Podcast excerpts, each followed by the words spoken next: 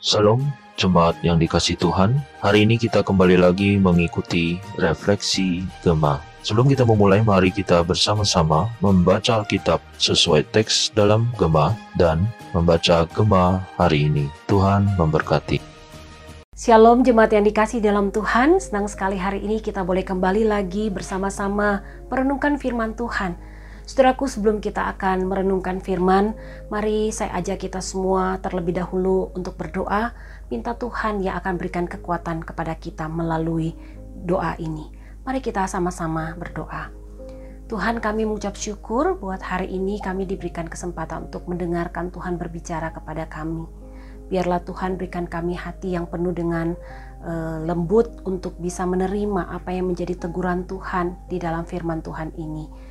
Kami menyerahkan waktu ini, kami yang mendengarkan dan hambamu yang akan memberitakan, kiranya kami semua juga boleh diberkati melalui kebenaran firman Tuhan ini. Terima kasih Tuhan, ini yang menjadi doa kami dalam nama Tuhan Yesus. Kami berdoa, kami mengucap syukur. Amin. Saudaraku yang terkasih dalam Tuhan, kita akan bersama-sama merenungkan firman Tuhan dan firman Tuhan pada hari ini terambil dari Amsal pasal 31 ayat yang ke-10 sampai ayat yang ke-31. Saya akan bacakan bagi kita sekalian, silakan Bapak Ibu Saudara boleh memperhatikan di Alkitab masing-masing. Demikian firman Tuhan. Istri yang cakap, siapakah akan mendapatkannya? Ia lebih berharga daripada permata hati suaminya percaya kepadanya. Suaminya tidak akan kekurangan keuntungan. Ia berbuat baik kepada suaminya dan tidak berbuat jahat sepanjang umurnya.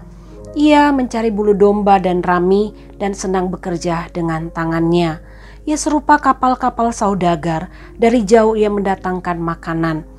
Ia bangun kalau masih malam, lalu menyediakan makanan untuk seisi rumahnya dan membagi-bagikan tugas kepada pelayan-pelayannya perempuan.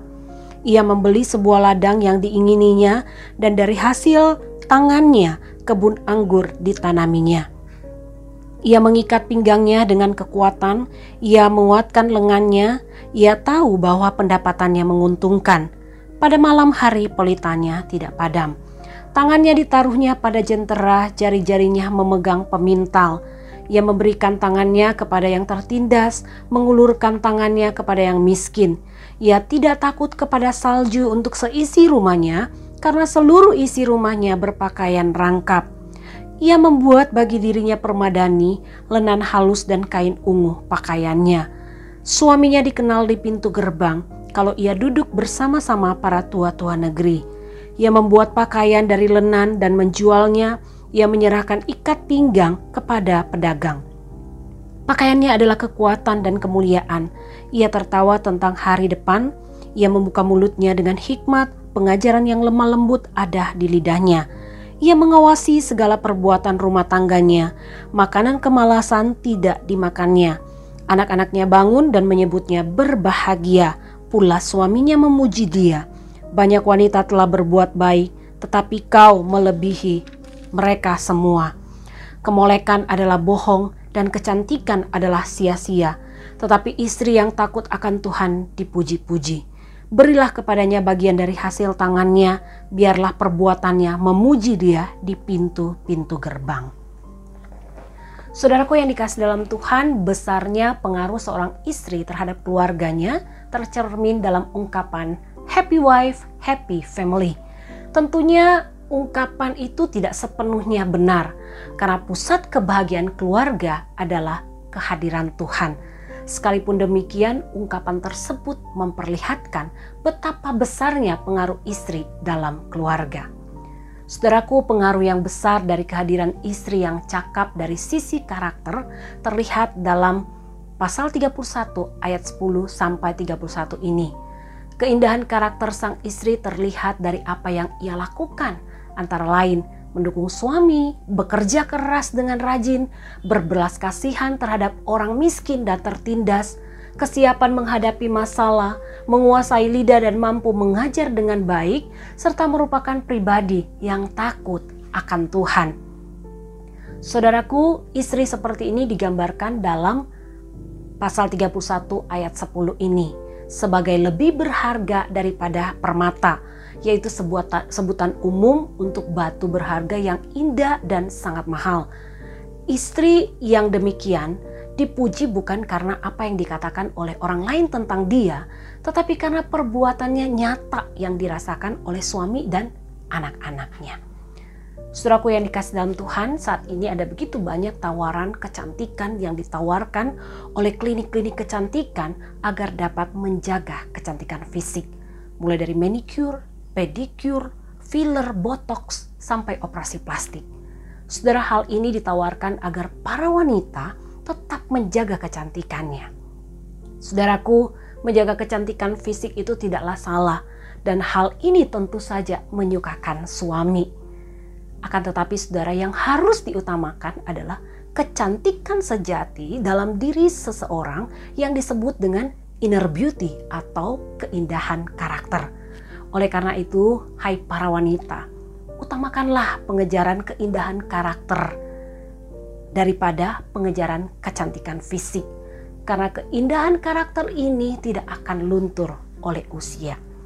Selanjutnya saudara keindahan karakter istri itu dipengaruhi oleh keindahan karakter sang suami.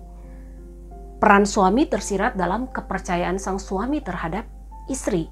Kepercayaan inilah yang membuat istri berkembang dalam apa yang dilakukannya. Sang suami menghayati panggilan Tuhan dalam kepercayaannya. Dia memuji istrinya, dia melihat istrinya sebagai wanita yang sangat berharga oleh karena itu, hai para pria, jika engkau merindukan istrimu menjadi istri yang memiliki keindahan karakter, biarlah engkau pun mengutamakan pengejaran keindahan karakter terlebih dahulu daripada usaha mengejar karir atau penghasilan. Sebab keindahan karakter suami akan menjadi teladan bagi sang istri. Suraku yang dikasih dalam Tuhan, bila sepasang suami istri tidak saling menuntut, tetapi menjalankan peran masing-masing serta mewujudkan karakter yang indah. Gambaran keindahan keluarga dalam Amsal 31 akan terwujud. Suraku yang dikasih dalam Tuhan, kitab Amsal ini dibuka dan ditutup dengan takut akan Tuhan. Hidup takut akan Tuhan adalah fondasi kehidupan yang penuh hikmat yang membawa umat pada keindahan karakter. Karena itu biarlah kita memohon supaya Tuhan sendiri akan memberikan kita hati yang takut akan Dia. Saudara, biarlah firman Tuhan ini akan memberkati setiap kita dan juga menjadi kekuatan bagi kita semua. Tuhan Yesus memberkati. Mari kita berdoa. Terima kasih kami mengucap syukur Tuhan buat firman-Mu yang boleh menyapa kami pada hari ini. Kami berdoa kiranya Tuhan, Engkau tolong kami supaya kami punya kerinduan untuk memiliki hati yang takut akan Engkau, supaya dengan hati yang takut akan Engkau itulah yang akan terpancar di dalam kehidupan kami. Tuhan, tolong kami untuk menjalani ke kehidupan sepanjang hari ini. Kami berdoa biarlah Tuhan pimpin, Tuhan sertai kami. Hanya di dalam nama Tuhan Yesus kami berdoa, kami mengucap syukur. Amin.